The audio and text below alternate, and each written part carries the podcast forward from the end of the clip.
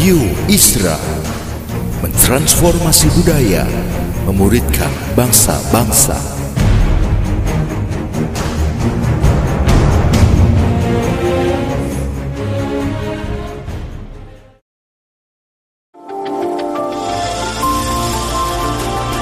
Voice of Pradaim menyuarakan paradigma kebenaran firman Tuhan yang esensi untuk memperlengkapi Anda menggenapi misi dan panggilan ilahi. Selamat mendengarkan.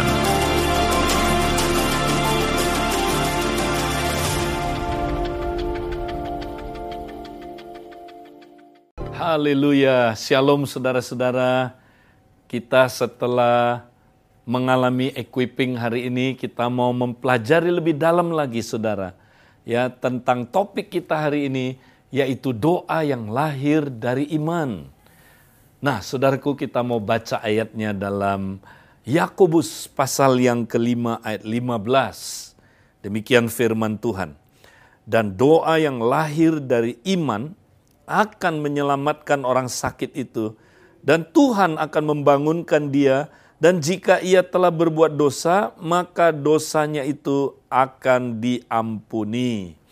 Nah, saudara-saudara, ya, kalau ada orang yang sakit, maka para penatua-penatua berdoa supaya orang itu disembuhkan. Nah, doa yang bagaimana yang bisa menyembuhkan orang sakit itu? Ayat ini berkata, doa yang lahir dari iman. Nah, saudara, ini adalah doa yang sangat dahsyat kuasanya doa saudara harus digerakkan oleh iman. Kalau doa tidak digerakkan oleh iman, itu doa agamawi yang tidak ada kuasanya, saudara. Ya, makanya kalau doa yang digerakkan oleh iman atau singkatnya doa iman, itu pasti ada kuasanya, menyembuhkan, memulihkan, ya, melaksanakan kehendak Tuhan terjadi dalam hidup orang itu. Nah, bagaimana saudaraku kita mempraktekkan doa iman. Nah, Yesus mengajarkan murid-muridnya dan ini sebagai materi pemuritan yang mereka mesti praktekkan, saudara. Sebagai murid Kristus, kita harus belajar bagaimana mempraktekkan doa iman. Mari kita lihat saudaraku satu kali, kalau saudara baca, Tuhan Yesus ya dia mengutuk pohon ara yang tidak berbuah. Nah, waktu dikutuk belum terjadi apa-apa, saudara. Pohonnya itu masih hijau. Hari berikutnya, saudara, Petrus mengamati pohon ini dan dia berkata, Tuhan lihat, pohon yang kau kutuk kemarin itu sudah mati. Ya, mati sampai ke akar-akarnya.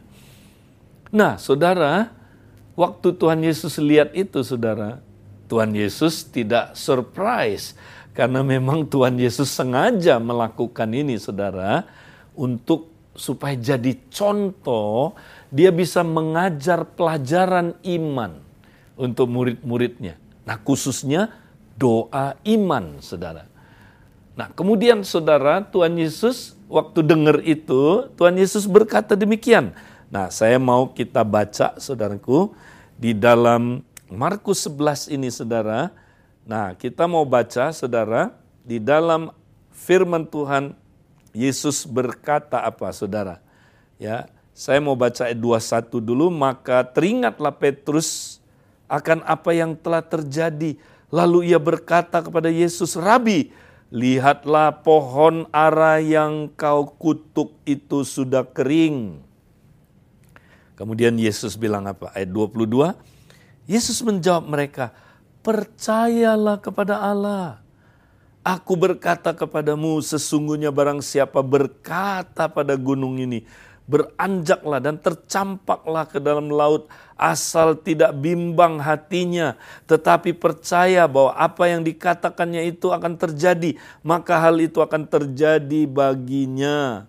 Karena itu aku berkata kepadamu, apa saja yang kamu minta dan doakan, percayalah bahwa kamu telah menerimanya, maka hal itu akan diberikan kepadamu.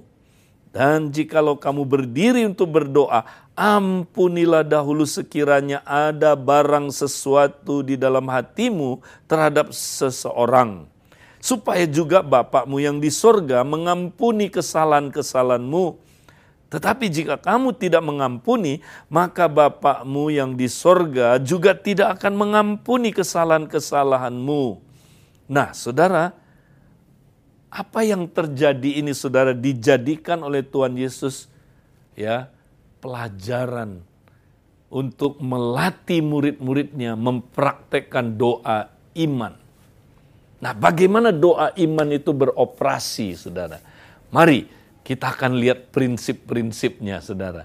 Nah, pertama, kalau Saudara lihat di sini, Saudara, dikatakan demikian, Saudaraku, ya ada kata saudara, jikalau seseorang barang siapa atau siapa saja yang berkata pada gunung ini, ya tercampaklah. Nah, saudara-saudara, jadi ada kata siapa saja. Artinya apa, saudara? Artinya doa iman ini, ya, itu boleh dipraktekkan oleh semua orang percaya, semua. Nah, saya dulu berpikir, saudara, wah ini iman yang elit. Ya, iman yang elit hanya boleh dipraktekkan oleh orang-orang elit. ya, wah orang Kristen yang udah lama, ya pahlawan-pahlawan iman, nah itu boleh mempraktekkan. Kamu baru, ya jiwa baru nggak boleh praktek ini khusus orang khusus. Ya, Misalnya saudara, wah dia itu rasul, nabi, wah baru boleh. Ya, kamu siapa orang Kristen biasa?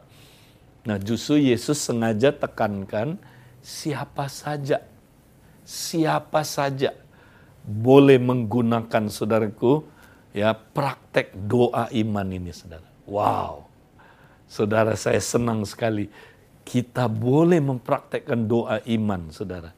Ya siapa saja Nah, yang kedua, saudara, dikatakan ya maka kita harus berkata kepada gunung itu ya pindahlah tercampaklah ke laut.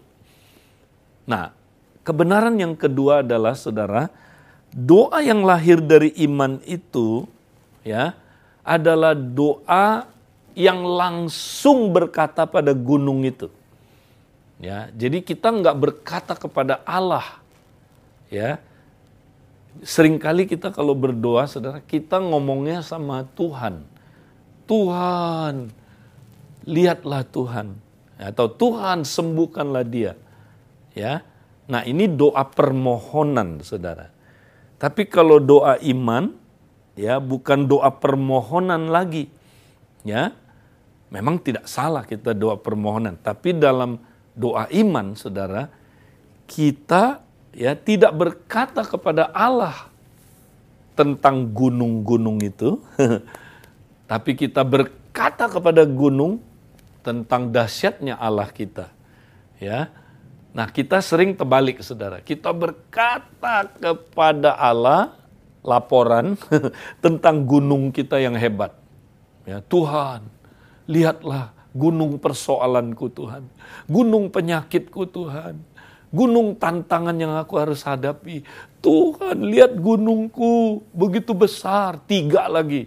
Aduh Tuhan, mana kuat. Aku nggak kuat lagi Tuhan. Jadi kita ngomong sama Tuhan tentang gunung kita. Nah, kita cenderung ngomongin betapa hebatnya gunung kita, saudara. Ya, tapi kalau doa iman itu terbalik, saudara. Ya, kita justru berkata pada gunung itu, tentang hebatnya Allah kita. Wow. Hei gunung, dengar. Memang kamu hebat, tapi Allahku lebih hebat. Ya, memang kamu ya kuat, tapi Allahku lebih kuat. Ya, dengar. Kamu tidak ada apa-apanya. Ya, Allahku itu dahsyat, menyingkirlah. Ya, tercampaklah ke laut. Wow. Wuh, itu dahsyat sekali saudaraku. Jadi doa ini langsung ngomong sama gunungnya. Nah, gunung itu bisa gunung tantangan saudara, gunung pencobaan saudara, gunung persoalan saudara, ya. Apakah mungkin ada penyakit dalam hidup kita, saudara? Apakah kita, saudaraku, ada ada apa? serangan-serangan kuasa gelap? Ya. Katakan langsung kepada gunung kita tentang hebatnya Allah kita. Amin. Ya, ini dia cara kerjanya doa iman berikutnya, kebenaran yang berikutnya, saudara. Ya, jadi kita berkata pada gunung itu apa? Bentuknya perintah, ya kan? Jadi dia bilang apa, saudaraku? Ya, uh, tercampaklah ke laut, ya kan, saudara? Terangkatlah, ada kata lah. Nah, ini menunjukkan apa, saudara? Ini menunjukkan perintah, ya. Jadi doa iman itu bersifat otoritatif bersifat apa perintah. Ya kita berdiri di posisi superior saudara. Karena ya ini adalah apa saudaraku? Ya karena ini adalah doa iman. Ya jadi kita otoritasnya saudaraku otoritas Allah ada bersama kita. Sehingga waktu kita ngomong saudaraku gunung-gunung itu taat. Ya jadi coba lihat Tuhan Yesus kalau nyembuhin orang sakit, saudara. Nah, Tuhan Yesus tuh kalau nyembuhin orang sakit, dia nggak mohon-mohon minta-minta sama Bapak. Ya, tapi saudara dia perintahin. Ya, dia bilang apa, saudara? Sembuhlah. Ya kan? Sembuh. Usir setan misalnya.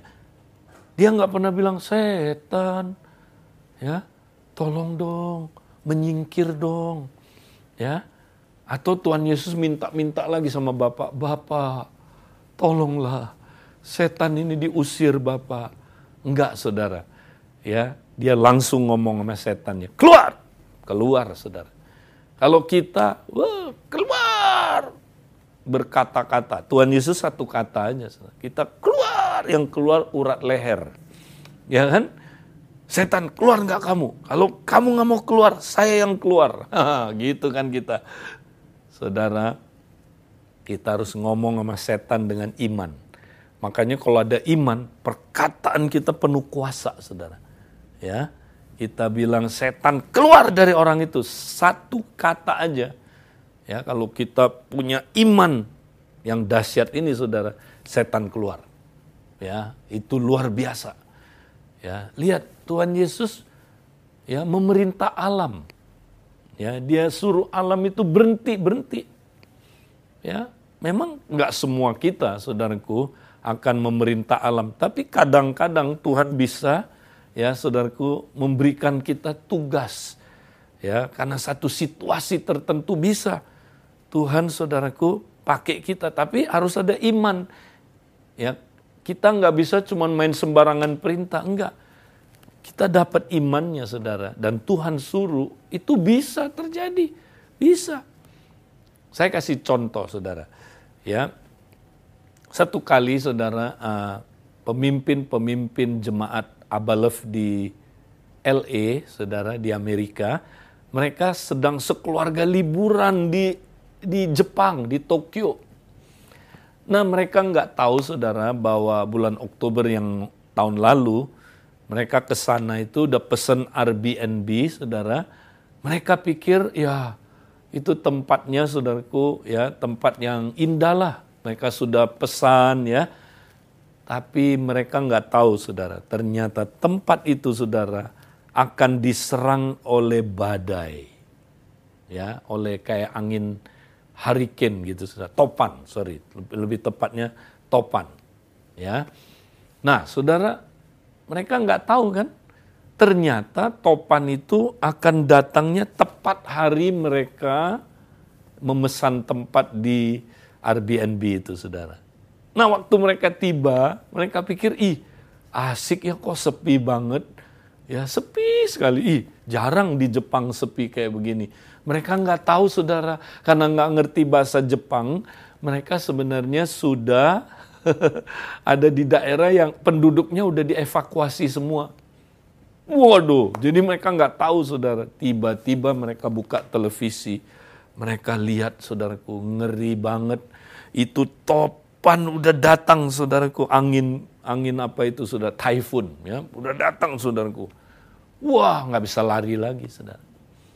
Nah waktu kondisi itu saudara apa yang terjadi saudara? Ya.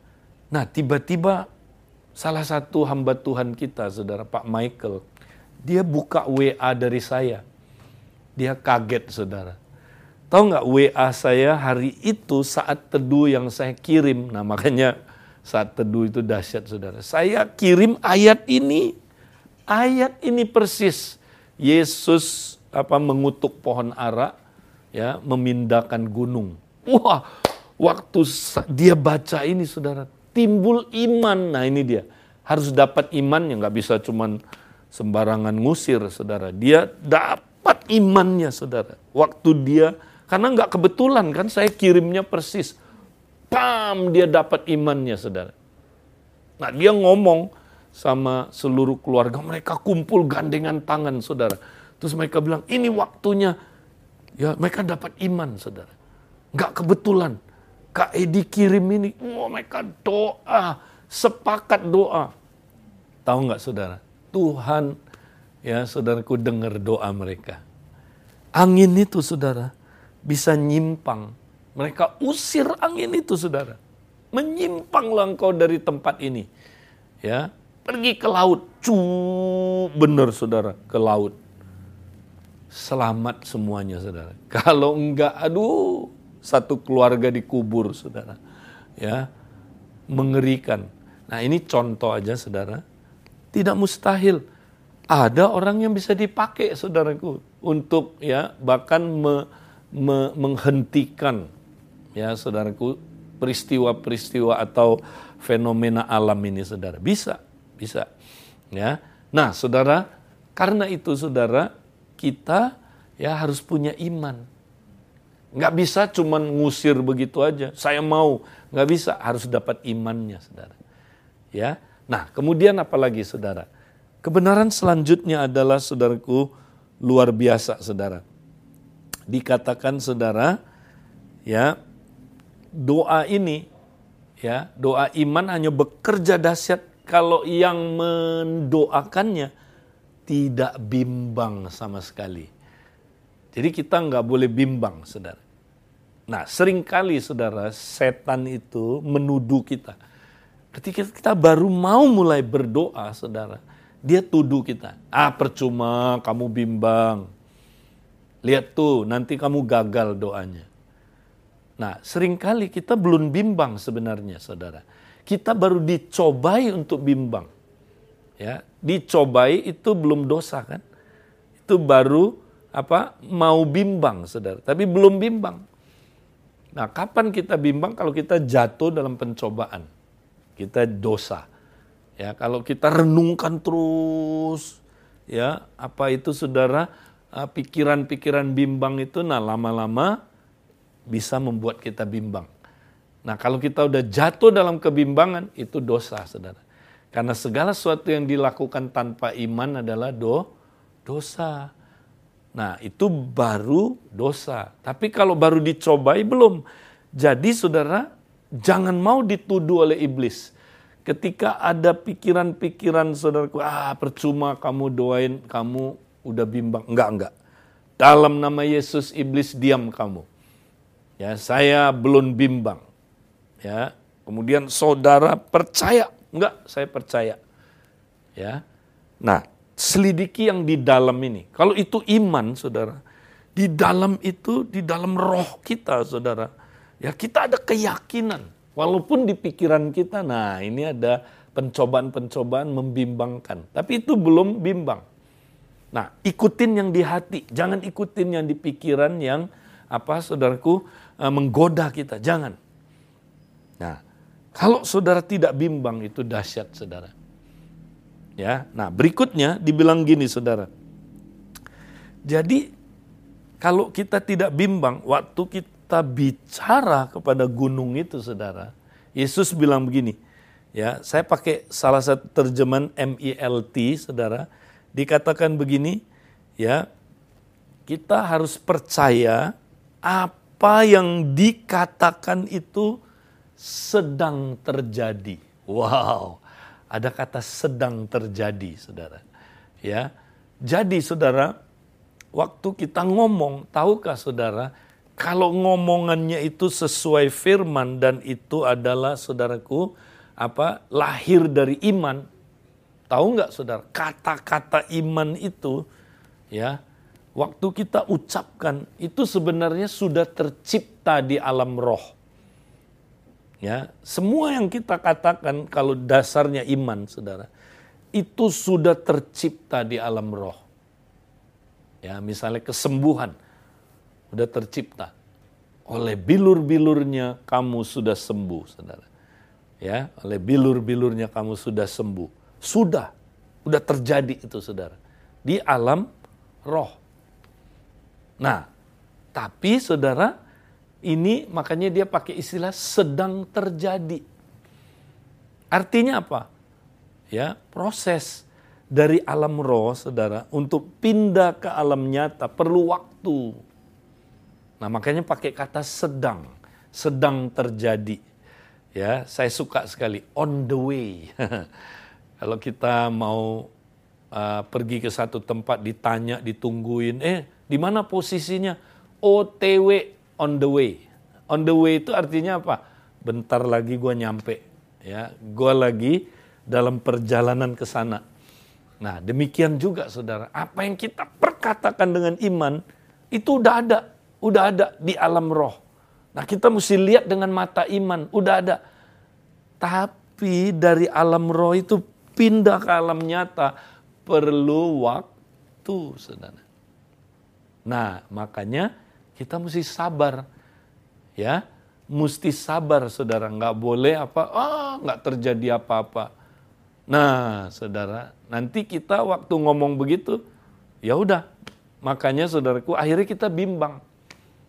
Nah, percayalah saudara, apa yang dikatakan dengan iman sesuai firman ya, itu saudaraku ya sudah terjadi dan sedang dalam proses ya sedang terjadi prosesnya menjadi kenyataan.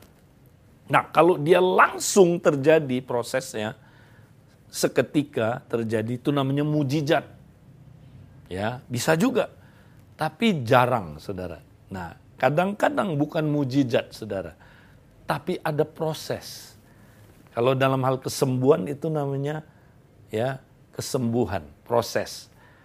Ya, kalau bukan soal penyakit mungkin saudara uh, apa saudaraku pemulihan misalnya ya. Atau apa saudaraku atau dalam proses menjadi kenyataan. Nah, saudara, ada orang instan langsung datang jawabannya. Ada orang mungkin dua tiga hari lagi baru datang. Ya, baru datang jadi kenyataan. Nah ada orang saudara mungkin satu minggu, ya dua minggu. Tapi kalau saudara baca ya Daniel berdoa hari pertama dia berdoa saudara doanya sudah dijawab oleh Tuhan. Ingat tuh karena dia doa dengan iman kan. Apa yang didoakan dengan iman udah ada saudaraku di alam roh. Tapi jawaban ini saudara ditahan oleh siapa saudara? Ditahan oleh pangeran ya Persia. Orang kuatnya Persia. Sehingga saudara nggak bisa sampai ke Daniel. Ya jawabannya. Nah makanya Mikael bergabung dengan siapa saudara? Jibrael, Gibrael. Mereka berdua berperang melawan saudaraku pangeran Persia ini Nah karena perang makanya perlu waktu saudara. Perangnya lama sekali. Perlu 21 hari baru datang jawabannya kepada siapa saudara Daniel. Jadi sering kali kadang-kadang kita udah yakin saudaraku doa udah sedang terjadi tapi jawabannya nggak langsung. Perlu perang dulu. Bisa saja saudaraku terjadi demikian. Ya. Nah, bisa juga begini saudara Saudara pernah dengar ada orang sakit kanker misalnya. Kemudian dia didoain, saudaraku. Begitu dia ditumpang tangan, dia yakin sudah sembuh. Dan ini nggak main-main, bukan bukan yakin-yakinan. Tapi benar-benar dia, saudaraku, percaya dia sembuh. Ya, dia sembuh, dia percaya banget. Tidak bimbang sama sekali. Eh, ternyata dia meninggal juga. Saudara pernah dengar ya? Bahkan dia meninggalnya dalam iman. Enggak, saya udah sembuh. Nah, saya mau tanya, apakah orang ini bohong, saudara? Imannya? Ya, nah saya bisa jelaskan, saudaraku. Sebenarnya orang ini nggak bohong, saudara. Benar dia punya iman. Ya, dan dia udah sembuh belum? Udah. Karena tadi kalau yang kata-kata yang lahir dari iman itu udah ada, saudara. Sudah selesai di alam roh. Jadi dia udah sembuh, saudara. Hanya karena dia, saudaraku, memang visanya udah habis, izin tinggal di dunia ini udah habis, dipanggil Tuhan. Jadi jawabannya kan on the way. Begitu datang jawabannya, eh dia udah meninggal. Nah berarti dia meninggalnya sebenarnya saudara, ya karena apa saudaraku? Ya karena memang udah waktunya. Ya, udah waktunya dia dipanggil. Nah, apakah itu ada ayatnya? Ada, Saudara. Abraham contohnya. Dia udah melihat kota yang akan datang itu. Dia sudah melihat ya, Saudara Yerusalem baru. Nah, Abraham yakin banget udah lihat. Tapi saya mau tanya, dalam masa hidupnya apakah Abraham masuk kota itu? Apakah Abraham menikmati kota itu? Kenyataannya terjadi di zaman dia? Tidak. Nah, saudara, apakah Abraham orang yang tidak beriman? Wow, dia bapak orang beriman, saudara. Jadi, saudara, Abraham katanya, saudara, dia sebenarnya udah dapat apa yang dijanjikan Allah itu. Dia sudah lihat, tapi masih di alam roh, ya. Dan kenyataannya dia belum masuk dan belum mengalaminya, saudara. Alkitab bilang dia melambai-lambaikan tangan dari jauh. Ya. Tapi saudara dia sudah dapat janji yang Tuhan berikan kepada dia. Nah itulah dahsyatnya saudaraku doa iman itu. Nah saudara, poin satu lagi saudaraku yang penting sekali. ya. Nah saudara, doa yang lahir dari iman ini harus dilakukan oleh orang yang hatinya benar dan penuh kasih seperti Kristus. Ya. Kenapa Saudara? Karena kalau kita simpan kepahitan, ya, kita benci orang, hati kita nggak benar, Saudara. Dan hati kita nggak penuh kasih. Ya. Nah, akibatnya apa, Saudara? Akibatnya iman yang dahsyat itu nggak bisa bekerja, Saudara. Ya, kenapa? Karena kita kepahitan. Maka Tuhan mau kita ngampuni, Saudara Ketika kita ngampuni, ketika kita beresin hati kita menjadi hati yang benar, maka iman Allah itu bekerja dengan luar biasa, saudara. Dahsyat. Ya, itu akan saudaraku mengakibatkan ya pekerjaan-pekerjaan yang luar biasa. Ya. Nah, saudara, itu sebabnya.